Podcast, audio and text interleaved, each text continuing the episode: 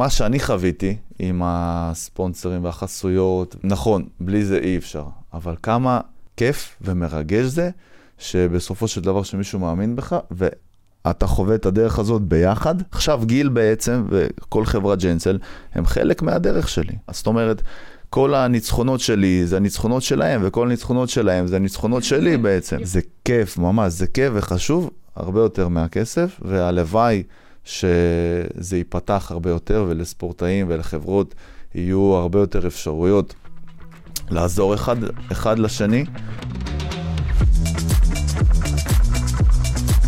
שלום וברוכים הבאים לליגה אחרת, הפודקאסט שבו נדבר על אתגרים, על שינויים ועל הצלחות. והיום אה, יושבים איתי פה שניים, שניים אלופים. שלום. איזה. כיף. לא, זה אלוף וסגן אלוף. זה, וואי, ממש, שניכם, שניכם, שניכם ממש אלופים בתחומכם. יש לנו פה את דני פרידמן וגיל שביט. אה, אני רוצה, תמיד אני מציגה את האורח, אבל היום יש את שניכם, אז נראה לי יהיה מגניב שגיל, אתה תציג את דני, ודני, אתה תציג את גיל.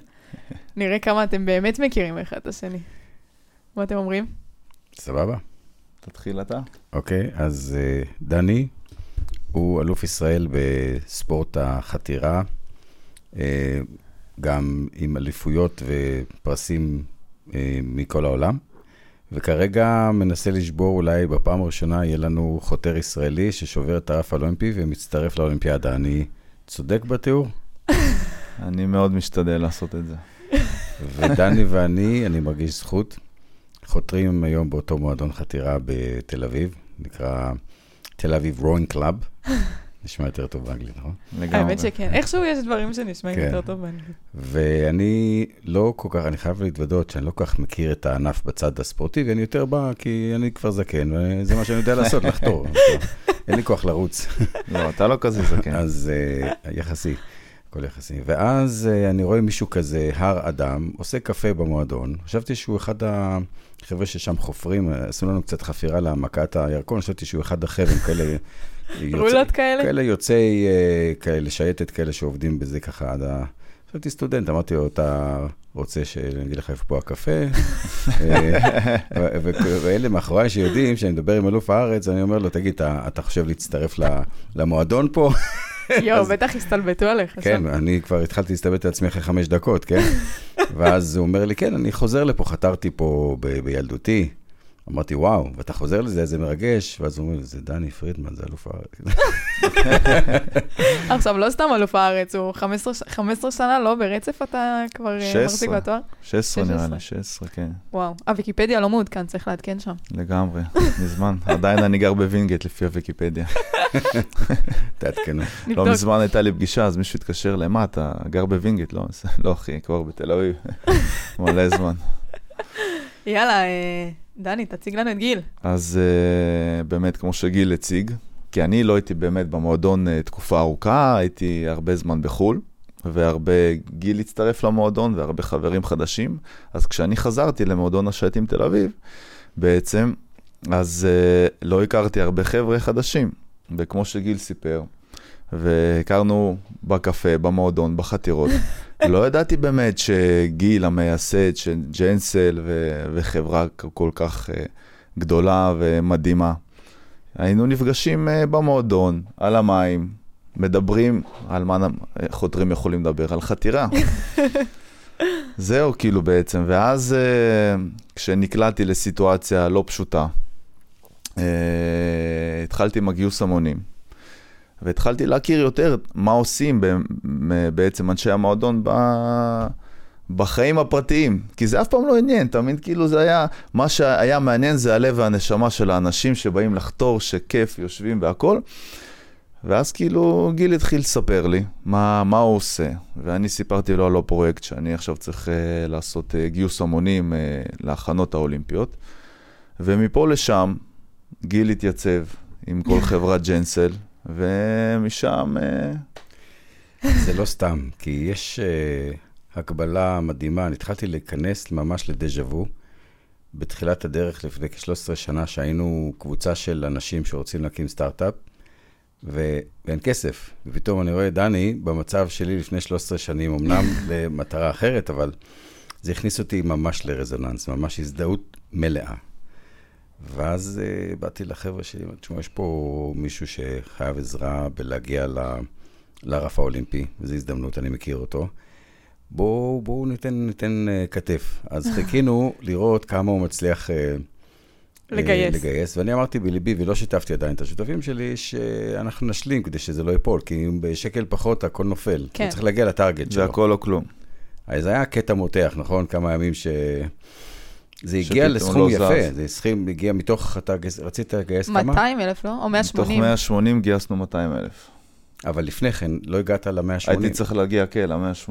אז... אני אה, זוכרת, אני גם אה, שמתי קצת. אז היה מתח, היה מתח, ואז אני התחלתי לדחוף. עכשיו, לא כל כך הכירו ב, בחברה, הם יודעים שאני חותר, אבל אף אחד לא נכנס לצד ה, ה, הספורטיבי, התחרותי, האולימפי, ואמרתי, תראו, אה, החברה שלנו, ג'נסל, זו חברה שהיא גם פורצת דרך, אף אחד לא...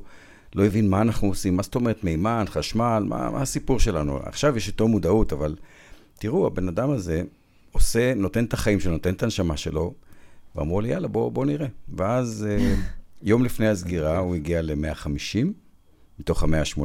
יואו. עכשיו, איש הכספים זה אדם שאיך ששכרנו אותו מרגיל, אם איש כספים מחייך ככה, תפטר אותו. הוא לא ישמור לך על הכסף. אז כשאני אומר לו שאני רוצה 30 אלף שקל אה, לספורט, מה פתאום? ממלא את תפקידו, יואו. הוא איש כספים. ואני אומר לו, טוב, יוסי, אני מפטר אותך לרגע, תגיד כן, ואני אקח אותך חזרה. כי אחרת אתה לא יכול, זה בניגוד ל- לאתיקה המקצועית שלך. גדול. ואז יחד עם המנכ"ל, הוא אמר, גיל, תשמע, אנחנו חלק מתרומה לקהילה, בואו נלך על זה, כמה הוא צריך. אה, באותו יום עבר הכסף, אז הוא עבר את המשבר, ואז פתאום היו כאלה אפטר שוק, שהמשיכו להכניס, אבל זה כבר היה בונוס. אבל מטורף. העיקר היה להשיג, לא, שלא, שלא ייפול, שלא כל... ברגע שאתה לא מגיע ל, לרף הזה, אז הכל נופל, אתה מחזיר את הכסף. כן.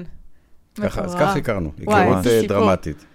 החיבור שנוצר באמת אחרי הגיוס המונים לחברה, זה משהו מטורף, כי חוץ מזה שאני וגיל הכרנו בחתירה, אבל החיבור ל- לגיל ולרמי רמי הוא השותף שלי, הוא מנכ"ל החברה. כן. ולאנשי החברה, פשוט כאילו מטורף. מאז ועד היום. העובדים התחילו להתעניין. וואי, איזה כיף זה. ואנחנו עשינו גם איזה מעשה, שבשלב מסוים, אה, הנהלת החברה מנתה בדיוק שמונה אנשים. אוקיי. ואז אה, עשינו איזה פטנט שכל פעם חבר הנהלה יזמין את שאר החברים ליום כיף בהובי שהוא אה, עוסק בו, ואני הייתי הראשון. הבאתי אותם למועדון, והכנסתי את כל ההנהלה לסירה של שמונה, כשהתשיעי, שזה שנותן את הניווט, הקוקס, מה שנקרא, הגיא. זה הגיא, אה, הוא דורון, שהוא מדריך אה, ותיק אצלנו. אוקיי. והיה לו האומץ, שיכול להיות שעם כל הקלאמזיות של שמונה אנשים, שרק אני שם חותר, ניפול למים. כי אתה צריך המון תיאום, כי זו סירה שלכל אחד יש משות אחד, יושבים שמאל, ימין, שמאל, ימין, לכל אחד משות אחד, לאחד שמאל, לאחד ימין, שמאל, ימין. קיצור, זו הייתה חוויה. הסירה לא זזה. ה-CFO במרץ רב חתר, אני אראה לכם, אני כדורסלן, יש לי הכי הרבה הוא חתר, אז ברגע שהוא חתר בצד אחד, בצד שמאל, הסירה כל הזמן הסתובבה מעגלים ימינה. ואז, אחרי שעה שכבר בקושי, בקושי הצלחנו איכשהו לחזור, שאמרתי, אף אחד לא חותר, רק uh, זה שהיה ראשון ואני האחרון, הצלחנו איכשהו לג'עג'ע חזרה לעגינה, על הדק, ו... והגענו כולנו למסקנה שכל אחד יכול להיות גם ספץ, אבל אם זה לא יהיה מתואם ומסונכרן, זה לא עובד. זה היה שיעור מדהים, והשותף שלי אמר לי לאחרונה, שאני קצת ככה לפעמים, לא, לא בדיוק על המיילים וזה, אומר, שמע, אתה חותר טוב, אבל אתה לא חותר עם כולם. הוא החזיר לי. מטורף. תקשיבו, זה סטארט-אפ. זה סטארט-אפ ממש. לקחת חברות, לקחת סטארט-אפים ולהכניס אותם, קחו, תתמודדו, בואו נראה איך אתם... וזה לא יעבוד. זה ממש...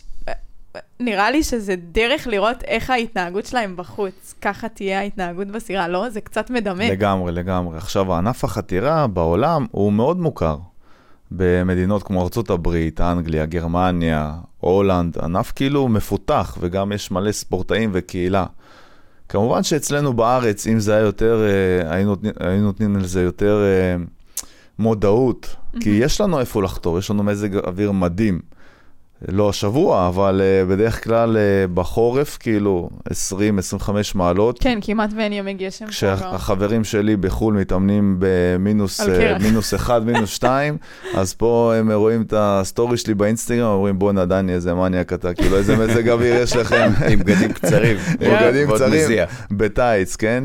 מה, בארץ אומרים חתירה, כולם מדמיינים חתירה בסירה, אה, בבריכה. בכפר בלום.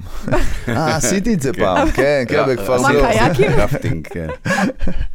כן, אבל זה ספורט באמת, זה ספורט מדהים, ואני חושב שאנשים צריכים קצת יותר אה, להיפתח לזה, כי מה, מה יותר כיף שאתה יושב בסירה, חותר על המים, וכאילו מרגיש את הרגש הזה, כשאתה, יש לך את ההרגשה ואתה לומד לחתור, זה כאילו מדהים. ועם הנוף, עם הזריחה, עם השקיעה. לגמרי. וזה גם שונה כשאתה חותר לבד, שזה ממש שאתה חותר, בעצם מתחרה עם עצמך ומנסה לנצח את עצמך, וכמובן שאתה תמיד מפסיד לעצמך. לעומת חתירה צוותית, שיש המון המון חשיבות לסינכרון המלא, ולא רק סינכרון שהמשות תפגע במים, אלא גם ההאצה במים, ובסוף מגיעים לסינכרון לב. אני עכשיו חותר כבר uh, כמה שנים, כשש-שבע שנים עם, עם שותף, עם עופר, ואנחנו כל פעם שעושים העצמת כוח, אנחנו, כל אחד מקריא לשני את הדופק שלו, יש לנו מה דופק. וואלה. זה לפעמים על הביט. אני אומר לו, כמה אתה? 139, אני 138. יואו. אז הוא אומר לי, טוב, אתה חותר לאט. גדול. מה, זהו, אני מתעורר עם הדופק הזה. אמרתי לך, יש פה עוד איזשהו אלוף, אלוף וסגן אלוף, לא? וואי, ממש. טוב, אז מקודם גם גיל, אתה זרקת על זה שהחיבור ביניכם נוצר כי אתה ראית משהו מאוד דומה בדרך שדני עשה לדרך שאתם, החברה, עשיתם. אה, אני אשמח שתספר כזה קצת על הדרך שלכם. זה כמו שדני אמר, שבארץ לא מכירים את הנושא של ענף הספורט, אז תארו לעצמכם שהתחום שלנו, של המימן, הוא לא מוכר בעולם. זאת אומרת, מסתכלים עליך, אז אנשים, ממן, או, מימן, פצצת מימן, הוא, מסוכן. מבינים ש, שמימן זה, זה אחד היסודות המופלאים בטבע, שנמצא אמנם בכל מקום ובשום מקום בו זמנית, כי הוא בתוך מים או בתוך, בגוף שלנו.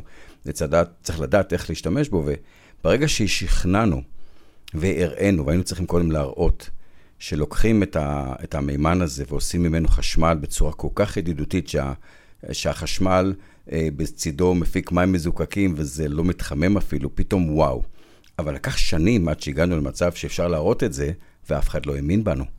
ואז ממש ממש בעבודה של לראות מאות משקיעים, מאות משקיעים, התחילו איתנו אנשים שאני לא קורא להם משקיעים, אני קורא להם שותפים.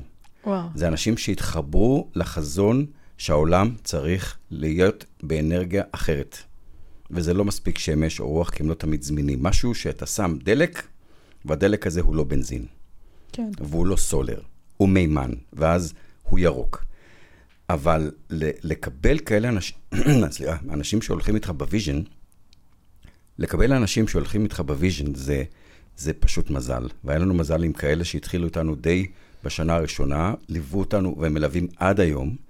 ולאט לאט, כשזה מתחיל להיכנס לשוק, זה מתחיל לתפוס. ומה שקורה עם דני, אני מרגיש אותו דבר. פתאום יותר אנשים בארץ מדברים על חתירה, פתאום ה... גם המסע הזה של גיוס הכספים יצר איזשהו הד תקשורתי, ופתאום ממש. הרגשתי אותו דבר, שפתאום יותר אנשים נכנסים למוטיבציה שדני יצליח. ואז כשהוא בא לעשות הרצאה אצלנו בחברה, פתאום אנשים ידעו על מה מדובר, ופתאום אנשים שואלים, תגיד, מתי יש תחרות? ומנהלת השיווק שולחת כל פעם שיש איזו תחרות שדני שולח לה, היא מפרסמת, ומתעניינים. וזה עניין של ליצור את ההזדהות על ידי תקשורת, לדבר, לחשוף. אה, להרגיש גם שהחתירה, שזה מאמץ פיזי ממוקד וגם מנטלי, אדירים, גם סטארט-אפ. אתה לא יודע אם בסוף החודש יש לך משכורות לעובדים. אתה לא יודע, בשנים הראשונות זה היה תמיד uh, הפתעה שהצלחנו, וזה כבר עשרות עובדים, ועכשיו זה כבר uh, כ-150 עובדים, זה לא פשוט. ולעשות זה 13 שנים. ואני מסתכל על דני, שעושה את זה מגיל uh, 15. ולאחרונה, בשנים האחרונות, שהוא עושה עוד תחרות, עוד תחרות, זה כבר גם כן, זה 17 שנים. זה להבין שיש פה רק דבר אחד, עיקשות. דבקות במטרה, אין סוף נפילות. ואמרתי לכם בהרצאה שכל פעם אני נזכר בצ'רצ'יל, שנחשב אדריכל ניצחון במלחמת העולם השנייה, הוא הפסיד כמעט את כל הצי הבריטי במלחמת העולם הראשונה. וואו. אבל הוא אמר, אני גל, גיליתי, בגיל 90 שראיינו אותו, הוא אומר שלהצליח זה אומר להתנהל מכישלון לכישלון באותה התלהבות. ואתה רואה את זה שאתה נופל על משהו ולא הצלחת לגייס, או שמשהו, פרויקט שלא לא, לא קיבלת, ואתה נכנס לדאון, אתה, יש לך 24 שעות לצאת מזה. ואתה קם בבוקר, אומר, טוב, עכשיו אני אלמד מה לא עשיתי בסדר, ואני אשפר. אני חושב, דני, אתה חווית אותו דבר בכל המהלך של הקריירה שלך. זהו, זה מעניין, כי כשאתה מדבר על זה ומספר את הסיפור, בעצם, אז גם אני התחלתי בענף שלא כל כך מכירים. מה, מה זה חתירה? אף אחד לא ידע מה זה הענף הזה, וכשאני התחלתי באמת להתקדם ורציתי, גם אף אחד לא האמין בי. ואני כל פעם הייתי צריך להוכיח לאנשים שאני יכול, שאני מתקדם, שבשביל לקבל סירה חדשה, בשביל לקבל משוטים, בשביל אה, להיכנס לנבחרת, בשביל לטוס לחו"ל, כל הזמן הייתי צריך להוכיח, כל שנה, כל יום, בעצם כל מה שבאמת... עברת בחברה, בסטארט-אפ, וגם לגייס אה, ספונסרים, חסויות, זה משהו ש, שאתה צריך, כי אתה לא יכול אה, להתקיים. ולקח לי עשר שנים להגיע לטופ. זאת אומרת, מגיל 15 אה, עד גיל 25, עבדתי כל כך קשה, ולא ראיתי באמת תוצאות. עד שבאמת, כאילו, עד שכבר נתתי, עכשיו אם אני לא הייתי נותן כל יום אימונים, כן? לא היה לי מאמן, לא היה לי מי שילווה אותי, הייתי צריך לעבוד פעמיים ביום.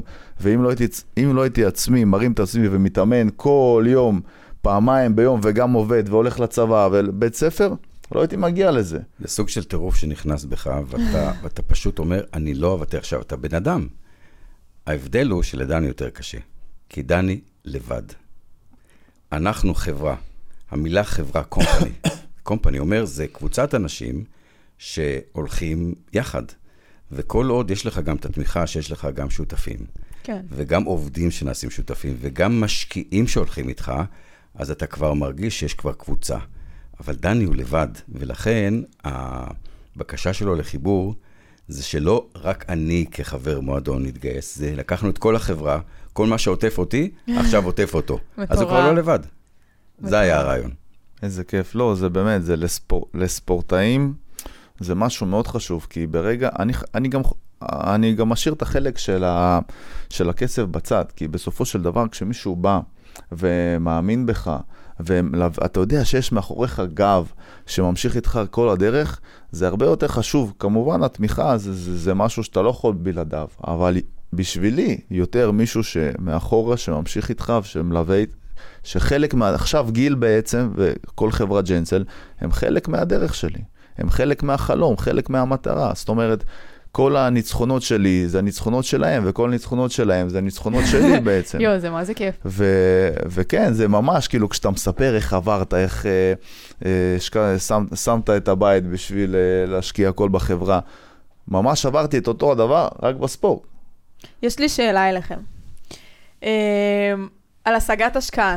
אתם חושבים שהשגת השקעה לסטארט-אפ אה, או לספורטאי זה תהליך שהוא דומה? אני יכול להגיד מהצד של הסטארט-אפ. אוקיי. אה, זה נראה דומה, אם כי אה, זה מאוד תלוי, כי השקעה זה לא דבר שיש עליו נוסחה מדויקת. אה, זה סוג של במה משקיעים. למשל, יש תחום שהוא נעשה טרנדי. אנשים החליטו להשקיע בשלב מסוים, בואו נשקיע כולנו בסייבר. עכשיו, השקיעו גם שאנשים שלא יודעים מה זה סייבר, שמעו זה, עכשיו שומעים AI, משקיעים ב-AI. זה השקעה טרנדית. השקעה במשהו שהוא תשתיתי, שמשנה סדרי עולם מצורה מסוימת של הפקת אנרגיה על ידי אה, דלקי מאובנים ב-150 שנה האחרונות. לעשות את השינוי הזה, אז אנשים אומרים, תשמע, יכול להיות שזה על הכיפאק, אבל זה ייקח זמן לעשות את השינוי. עכשיו יש שני סוגי אנשים, יש כאלה שאומרים, אני רוצה להיות לא כל כך uh, בקטע של לה, להכפיל ולשלש את כספי, אני רוצה להיות חלק משינוי ההיסטוריה. וואו. כל המשקיעים שלנו, שהלכו איתנו במשך כל 13 השנים האחרונות, הם אנשים שהם יגידו לך שהם גאים להיות חלק מהשינוי, ולא מזכירים במילה מתי אני אשלש את כספי. איזה כיף. וגם הוסיפו כסף. מדהים. זה קשה.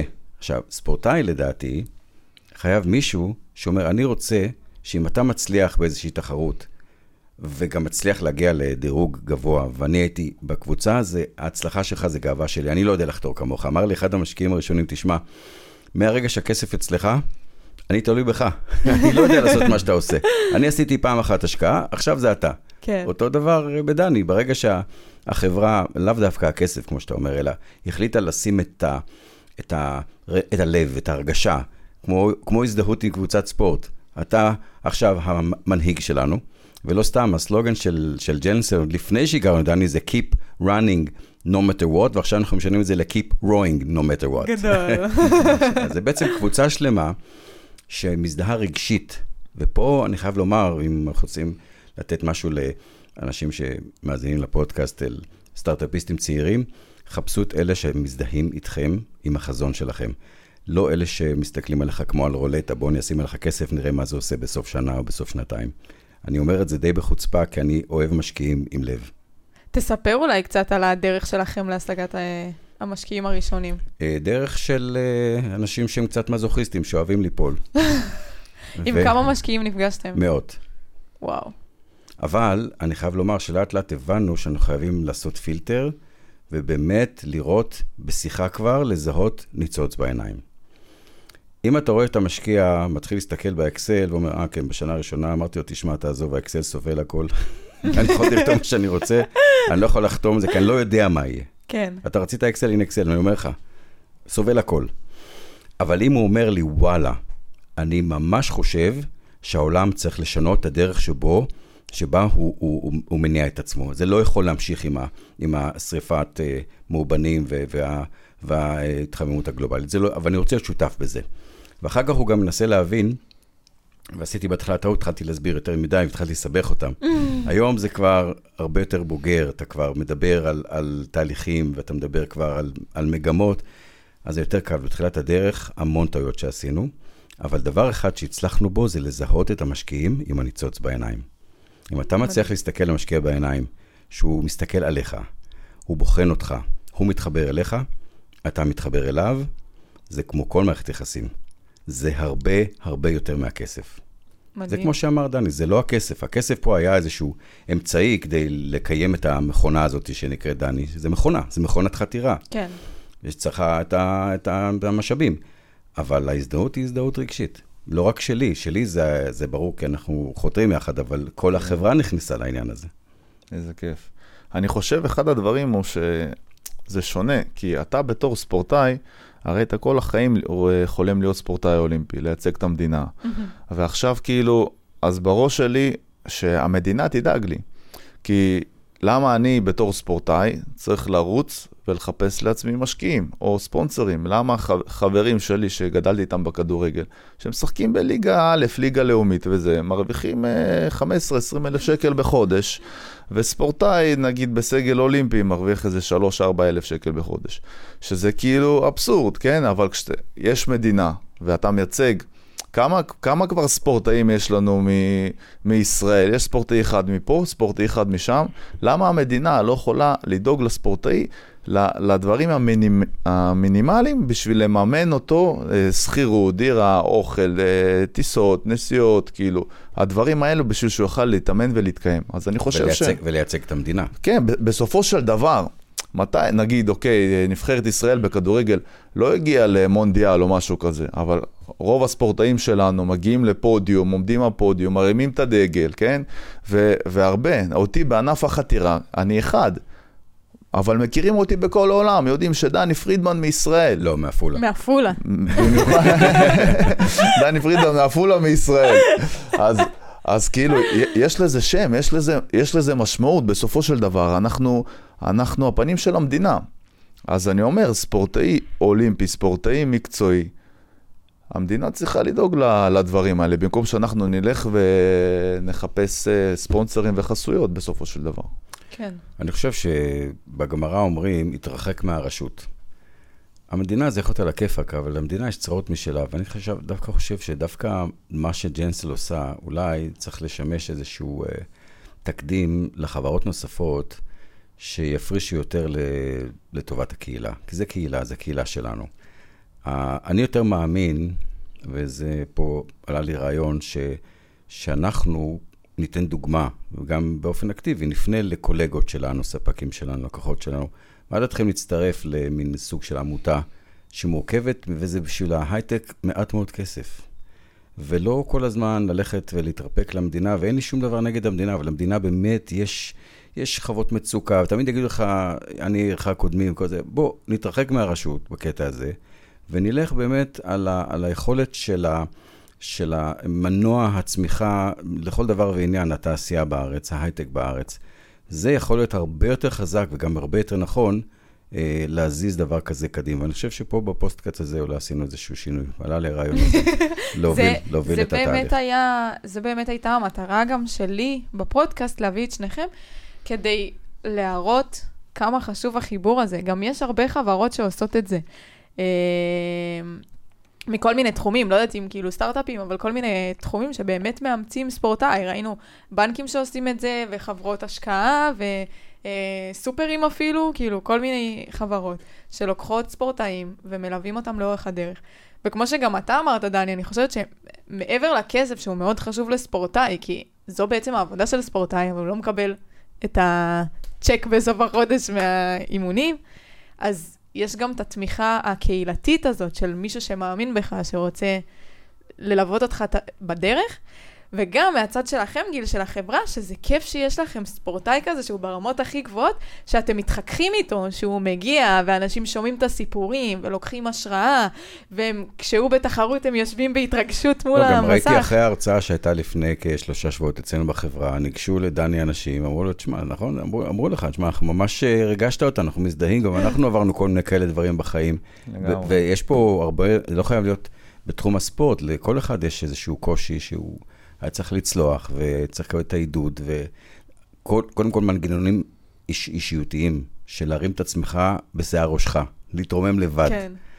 לפני שיש לך עדיין מישהו מאחוריך. זה, זה, זה אלה דברים שבונים אותך.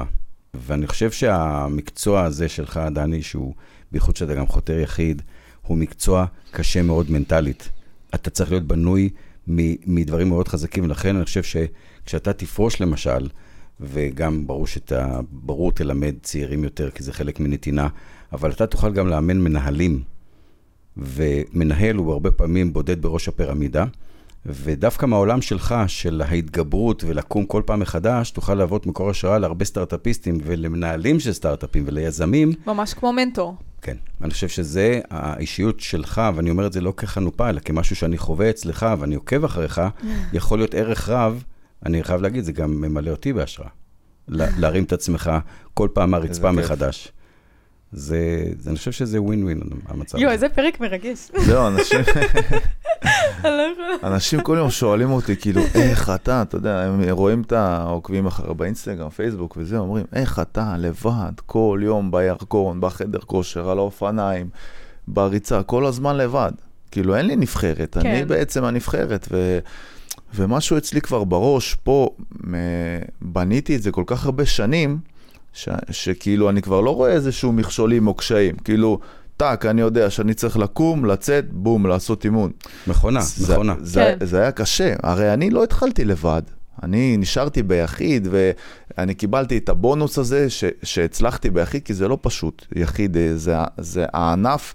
יש חתירה ויש יחיד אצלנו בענף, כן? אז ביחיד אתה צריך להיות גם חזק מנטלי, גם חזק פיזי.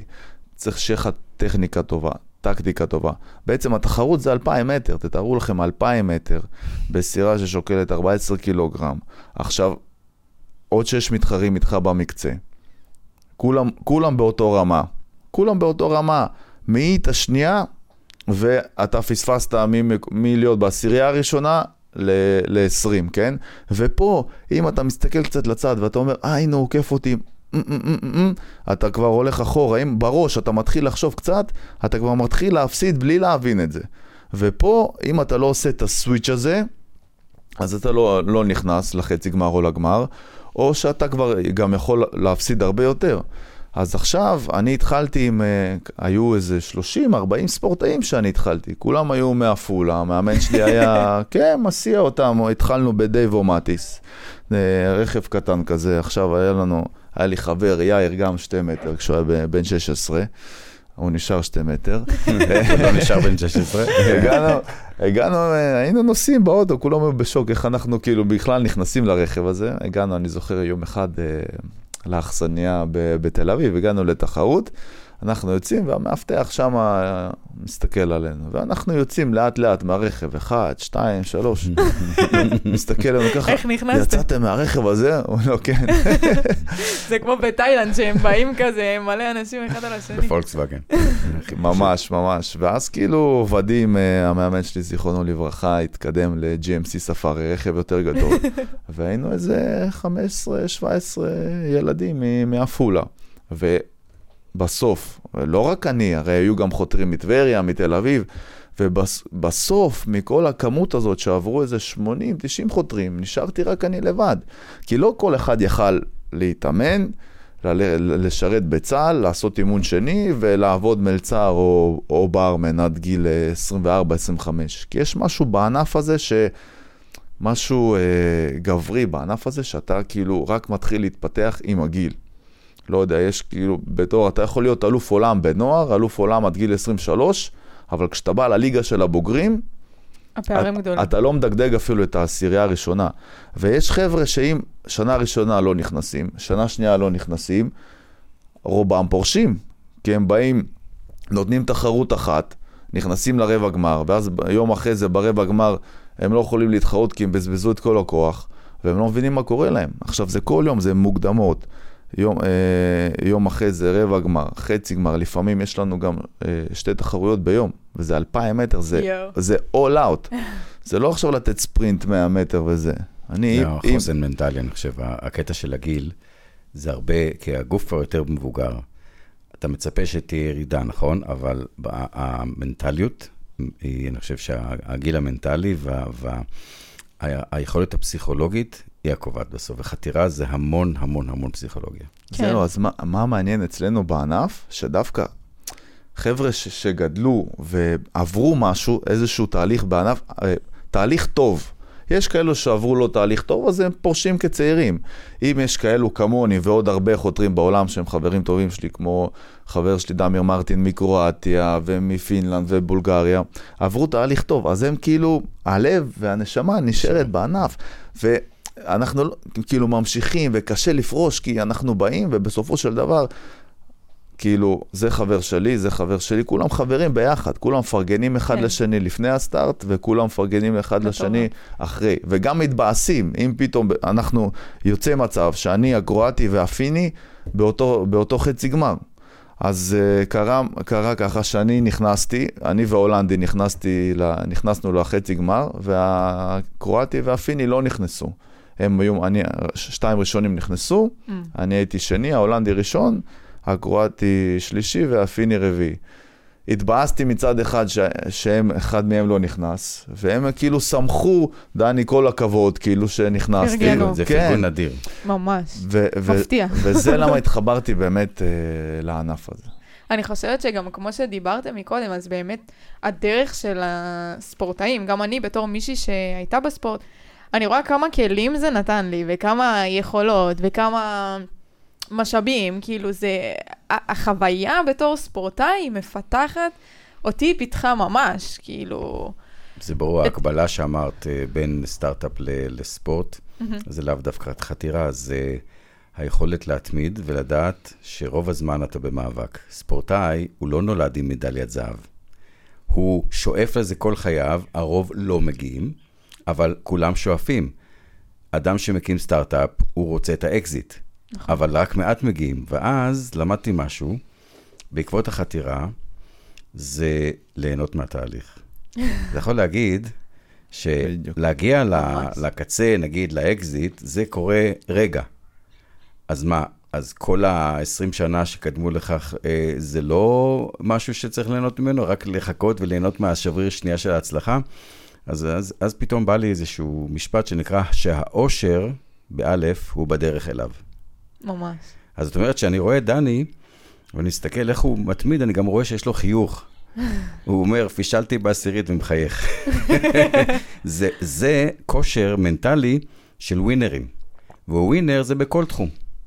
לכן אני חושב שההקבלה בספורט, שאתה יודע שאתה כל הזמן נאבק כדי להגיע למשהו יותר, אבל לא מתוך הישרדות, לא מתוך סבל, אלא מתוך תעצומות נפש, ואתה אומר, וואלה, אני עכשיו אגביר, ואני, והפעם אני אעשה את זה. הוא לא עושה טוב, אז פעם הבאה. חושב ש, שבתעשייה זה ככה. ואם אתה באמת רוצה להצליח, זה ממש אה, ללמוד ולקבל השראה מספורטאים שממשיכים לחייך ולא באים, טוב, נו, אכלתי אותה, לא עברתי את זה. לא תראו כאלה, ואם יש כאלה, אז הם לא ימשיכו. זהו. כמה פעמים יכולתי לפרוש בחיים? אני חושב, אה, מתוך ה-18 שנים, יכולתי ל- אה, לפרוש 1,800 פעם. באמת, כל יום, אבל, אבל, אבל זה הזוי, אני קם כל בוקר, כמו רובוט, כמו מכונה, ואני הולך לעשות מה שאני אוהב. אבל תמיד בחיוך, תמיד הוא הולך עם הסירה הזאת. שאנחנו צריכים להיות שניים, שלושה אנשים לסחוב את הסירה, הוא סוחב אותה ביד אחת, יד שנייה עוד אה, מרים עוד איזה משהו על הדרך. אבל זה כיף לראות את זה. ממש. כן, ולפעמים משחק איתה מצד לצד. כן, כן. ועופר מצלם אותי. כן. ולראות שיש לנו חותרים שעברו גיל 90. וואו, זה בכלל מטורף. וכשאתה אומר למישהו בן 90, בוא אני אעזור לך לסחוב את הסירה, אז הוא אומר, לא, אם אני לא אוכל לסחוב את הסירה, אני לא ראוי לחתור בה. אני לא אגיע יותר-. לא אגיע יותר למועדון. איזה אלופים. כן. טוב, אני רוצה לשאול אתכם, כי באמת דיברנו פה על הרבה דברים, ואני רוצה שתספרו קצת על אתגרים שהיו לכם בדרך, כי אני בטוחה שהיו הרבה יותר אתגרים מאשר אה, רגעי הצלחה. זהו, אחד, אה, אחד, אני חושב שמאה שנים בענף החתירה תמיד היו אתגרים. ואחד האתגרים הכי, הכי קשוחים שעברתי בעצם זה שנקלעתי למצב ש, שעברתי, אני חושב, מעפולה, אה, להתאמן בווינגייט.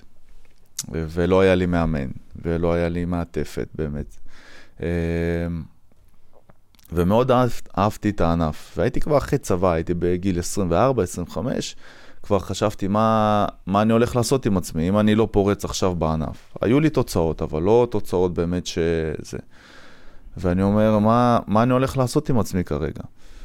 ופתאום אני מוצא את עצמי בלי מאמן, פצוע, לא, לא בא לי לרדת למים, כאילו, אני לא, כבר מרגיש שזה לא שלי. ותמיד אבא שלי בזמנו אף פעם לא תמך בענף, כי הוא לא חשב ש, שיצא מזה, שיצא מזה משהו בארץ.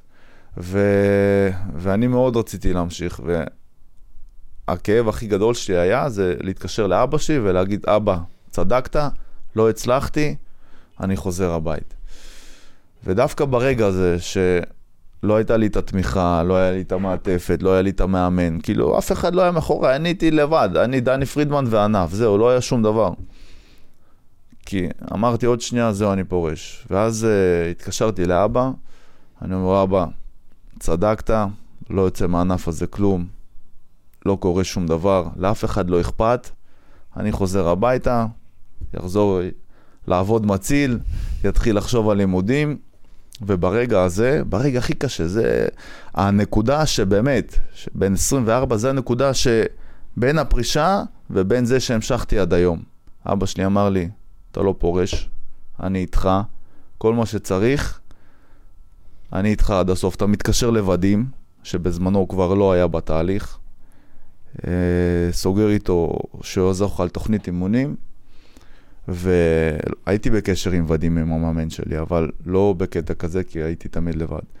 ודווקא התמיכה הזאת של אבא שם, שכאילו הוא פחות האמין שמשהו יצא בספורט כאן בארץ, שינתה את החיים שלי. זה רגע מכונן שפתאום, מכיוון שלא צפית, לא ציפית ל... לפרגון, כי בדרך כלל אבא לא היה מאחוריך, הוא כאילו היה מאחוריך ברמה ש- שאתה בן שלו, והוא לא האמין בענף, ופתאום הוא זה שאומר, לא, אתה לא פורש. זה, זה זריקת עידוד מרגשת. ויום אחרי זה עברו לי כל הכאבים. לא היה מעניין אותי מאמן, אה, פוליטיקה, כלום. נתתי, כאילו, התחלתי להתאמן, וחזרה לי אהבה לחתירה. ובאותו השנה עשיתי הישג ראשון, היסטוריה בחצי גמר, אה, ברבע גמר אה, אליפות העולם.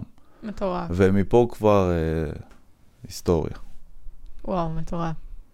אני יכולה להגיד שאצלנו בג'ודו אז הם אומרים שיש מעין משולש כזה, שהוא כאילו המפתח להצלחה, וזה כאילו הספורטאי, המאמן והמשפחה. שאם שלושתם מסת... מסתנכרנים ביחד, אז יותר קל לספורטאי להצליח ולהביא הישגים. ובאמת יש ספורטאים שאין להם תמיכה מההורים, או לפעמים שהמאמנים לא ממש... אה, שמים עליהם, ורואים שבאמת תהיה להם דרך שהיא יותר קשה. לא שהם לא יכולים להצליח, אבל הדרך או באמת תהיה יותר שיותר קשה. יותר מדי תמיכה מההורים. או יותר. אה, היו, באיזו היו לנו? כמה ספורטאים אה, בענף, ילדים עם, עם פוטנציאל מטורף. וההורים שלהם לא הצליחו, וגם היו- ההורים שלהם גם עלו מברית המועצות, ולא הצליחו להגיע לאיזשהן תוצאות. אז החלום שלהם היה Mm. שהילדים שלהם כן יצליחו. ישיגו את החלום. והם היו איתם כל היום באימונים, ויהיה לה עוד, לחץ. ו- כן, זה. ולחץ מטורף. בוא'נה, אתה בגיל 15, 16, אתה צריך ליהנות, ליהנות מהענף. כאילו, אם בגילאים האלו אתה לא תהנה ולא תבנה את עצמך פיזית, מנטלית, אתה צריך לבוא בגיל, בגיל הנכון בשביל ל- ליהנות מהענף וגם לבוא מוכן. כי אם מגיל קטן באים ובום, נותנים לך מכה בראש וכל הזמן לחץ, לחץ, לחץ, באיזשהו שלב, אתה יודע, אני מכיר גם מקרה שהוא לא רק פרש, הוא גם הפסיק אה, להיות בקשר עם ההורים שלו איזה וואי. תקופה. וכן, זה מקרה נקודת- קשוח, נקודת שבירה. חבל על הזמן. ואני חושב שדווקא היום קשה למצוא מאמנים, כמו שהיה לי, נגיד, ודים, אה, ודים זיכרונו לברכה, שהוא עטף אותנו. הוא באמת, הוא, הוא דאג לנו, היה מסיע אותנו לים המלח, היינו עושים על האש אה, אחרי האימונים, היה קונה לנו ביגוד לתחרויות. כאילו, ו- והוא אהב לעשות את זה, הוא, הוא לא קיבל משכורת, לא קיבל שקל, הוא היה עובד במפעל, היה חוזר אחרי, אה, אחרי אה, אה, משמרת לילה, היה אוסיף, אוסף את, את, את כולנו מהבית, אחד-אחד. אתם הייתם הילדים שלו בעצם. ממש. ממש ככה. וההורים ההורים שלנו היו מאוד מחוברים אליו גם. ו- והיה, כל מי שהצטרף, אף, כולם נשארו, אתה יודע, אלה שהצטרפו, תמיד כולם נשארו. ואחד הדברים הכי חשובים, שאני פה בזכותו, עד היום. אני פה, מזכ... ועברו 16 שנה. והלוואי שהיום יהיו הרבה יותר מאמנים כאלו, עם לב ונשמה, שייתנו לילד לחוות את הספורט, ולא רק יהיה לה הישגים, הישגים, תוצאות, תוצאות, כל שנה. לא, לא, צריך תוצאות, צריך הישגים. אה, ת, תהיה אלוף עולם בשנה. כן, בסדר. זה לא עובד. כן, באמת יש הרבה ספורטאים ששוחקים את הילד בגיל צעיר, ואז הוא לא מצליח כן. להמשיך. הורים, מאמנים. זה תהליך, אנשים צריכים להבין שזה תהליך, שאתה בונה את עצמך, אתה צריך כאילו, אתה לא יכול להיות אה, אלוף עולם בשנה אחת. נכון, ממש. גיל, איזה אתגרים אה, היו לכם בדרך? היו וגם לנו- איך התמודדתם? היו לנו. עד היום. עד היום אנחנו באתגרים. ברגע שיש לך חברה עם טכנולוגיה שהיא פורצת דרך, אז אין לך אה, משהו, זה לא שאתה לוקח משהו קיים ואתה משביח אותו, זה פשוט, אתה צריך, ואתה מצפה לתוצאות מסוימות, וזה לא בא. ואחר כך אתה מצפה עוד פעם לתוצאות, אתה מגלה בעצם שזה ממש לא הכיוון, ואז אתה מחזיר את הצוות אחורה, ועוד לא אמרתי שיש גם כסף שהולך לקופה, כן? ואתה צריך כבר לייצר הכנסות, אבל אתה צריך שיהיה לך כבר מוצר עובד. זה, זה כל הזמן תהליך, אבל מה שמציל אותנו זה שאנחנו ביחד. השותפים ביחד, העובדים שנכנסים, הם, הם ביחד, שותפים למטרה, זה כמו שדיברנו על זה ש, שאתה לא לבד. אז אתה צולח את זה בזה של לשבת ב brainstorming כזה, שבוא נראה מה לא עבד, ולהתחיל לתחקר, וברגע שמקבלים פתאום תובנות מסוימות, מתגייסים מחדש למשימה, נטענים חזרה באנרגיות, ורצים קדימה, וזה לא תמיד הולך גם הפעם הבאה. אז בתהליך שסטארט-אפ כבר 13 שנים, אבל כבר מתחיל, וכבר יש לקוחות, וגם השוק מתחיל לקבל מודעות, חלק מתהליך גלובלי, חלק מזה שאתה גם מפרסם מה שאתה עושה, ומתחברים אליך, אתה ממש מרגיש, עכשיו יש שני סוגי אנשים, יש כאלה, להגיד, שמע, לא מתאים לי עכשיו לשנות את העולם. גדול עליי. ואנחנו דווקא מתרגשים מזה שאנחנו איזשהו חלק מסוים בהובלת שינוי, אז זה גם נותן אה, גאוות יחידה. אז זה הצד הפסיכולוגי, שכמו שאמרת, שאתה יודע שאתה הולך לקראת משהו גדול, ויש לך הורים שתומכים, ויש לך מאמן שמוביל, זה מאוד חשוב. הצד המנטלי הוא הרבה יותר חזק אם השגת כסף כזה או אחר. אתה יכול גם בפחות כסף, אם יש לך את היכולת ה- הקוגניטיבית והאישית והפסיכולוגית. ואני חושב שבקטע הזה, שוב, הספורט וה, והסטארט-אפ במיוחד, שהם פורצי דרך, זה מאוד מאוד מגביל. אנחנו יודעים הרבה פעמים שלא הספורטאים הכי חזקים, הכי מוכשרים, הכי נכון. אה, מהירים הם אלה שמנצחים. זה, יש, יש גם הרבה קשר לאמונה עצמית, ונראה לי נכון. ש, ששניכם אה, מלאים באמ- באמונה לאורך כל הדרך. זה הורג אותי, כי כל, פעם, כל פעם שהוא מספר איזשהו, איזשהו סיפור על, ה, על הדרך ועל ה, על החברה והכל, אני תמיד נזכר בסיפורים שאני עברתי בתור ילד בחתירה, כאילו לא רק בתור ילד, גם ברמה הכי גבוהה, ועד היום עובר. רק כשאתה מתחיל, אני ישר פתאום, או, זה עולה לי, זה עולה לי, זה עולה לי.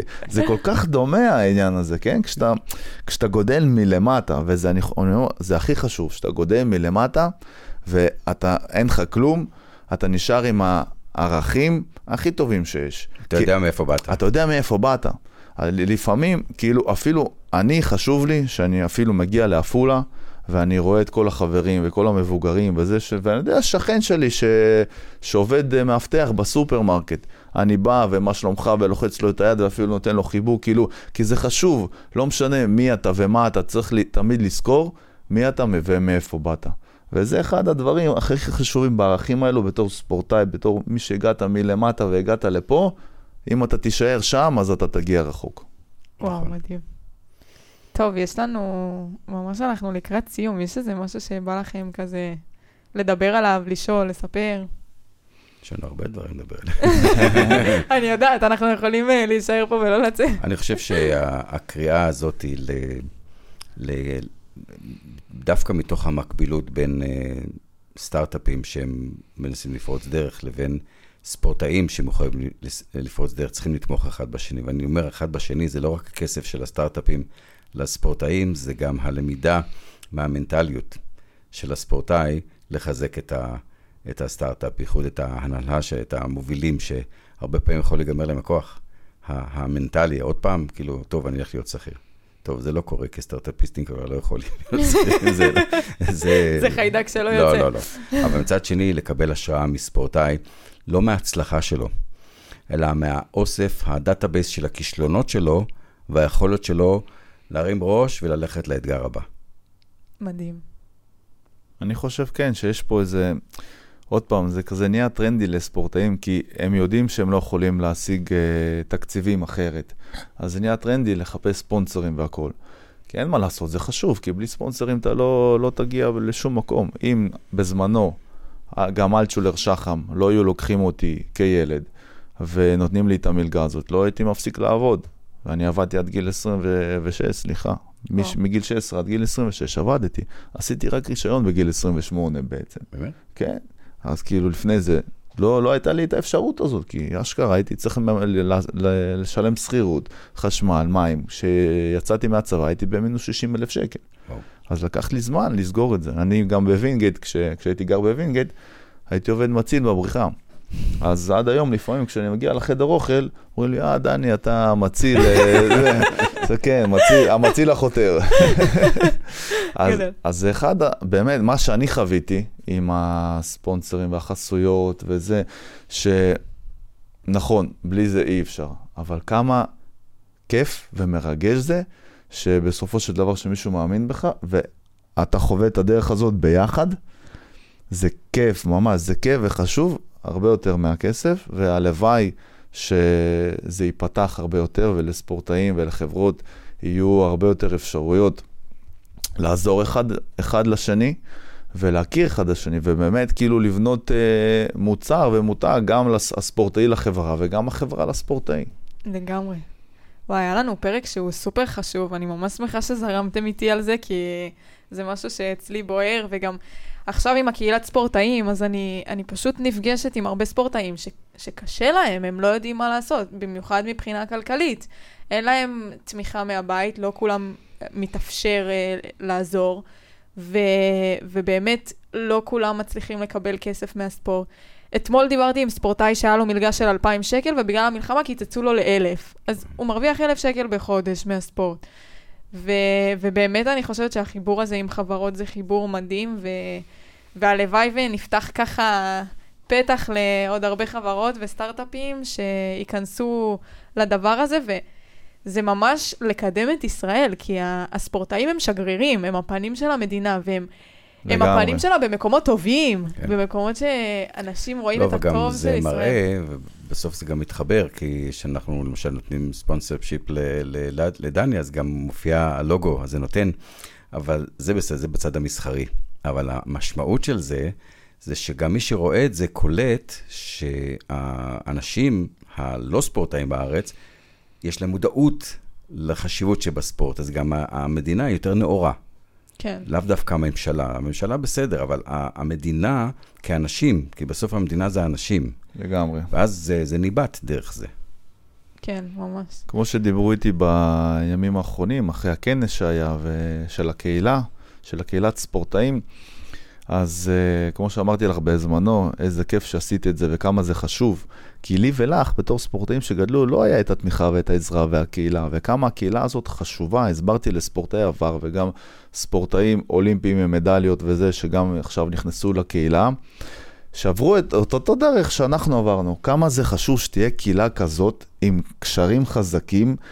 לא רק מבחינת חסויות וזה, אבל בכל דרך, גם ביום של אחרי שהספורטאי פורש ולא יודע מה הוא רוצה לעשות, להיות uh, כל דבר בעצם. אז נראה ש... לי גיל כבר uh, מכין לך משרה. אני מאוד מקווה. מאוד מקווה. המנטור של ג'נסל, הפסיכולוג. ו- וזהו, וכאילו... כל חברה צריכה את זה. אז כמה זה חשוב, הקהילה הזאת בעצם, שלעזור לספורטאים הצעירים האלו, שלא יפרשו כשיהיה להם קשה, שיהיה להם מישהו שילווה אותם כל הדרך הזאת, והם ירגישו שיהיה להם קהילה חזקה ו- לא וגב. אז זה למה באמת, uh, כל הכבוד שעשית את זה, ואני איתך שם עד הסוף. וואי, איזה כיף, איזה כיף שיש אתכם באמת. אני, אני כל הזמן אומרת כמה, אני בן אדם של אנשים וחיבורים, וכשיש אנשים כמוכם שהם מונעים מערכים ועם לב טוב, אני ישר כאילו פורחת ונהנית, וכבר עשינו הרבה דברים ביחד עם שניכם, אז באמת באמת כיף. נשאר דבר אחד. נו. לקחת אותה בסירה ביחד. לא, עם ניר, נעשה את הסירה של הארבעה. וואי, וואי. עם הבן שלי. כבר, דני, אמרת שאתה, זה, מכין אותי לאולימפיאדה הבאה, בזה החדש. לקוסטל רובינג. כן, אוי כן. ואבוי.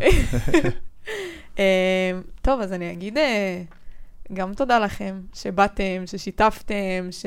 בכיף, ותודה שהזמנת אותנו. איזה כיף, לגמרי. באהבה. אה, וגם תודה לצופים שהייתם איתנו, מקווים שנהניתם, שלמדתם, אם אתם חברות, אנחנו צריכים אתכם, אה, או סטארט-אפים. אם אתם אה, ספורטאים, אתם ממש מוזמנים להצטרף לקהילה שלנו. וזהו, ניפגש בפרק הבא. תודה. ועל המים. ועל המים, וואי. בעיקר. ביי ביי. ביי.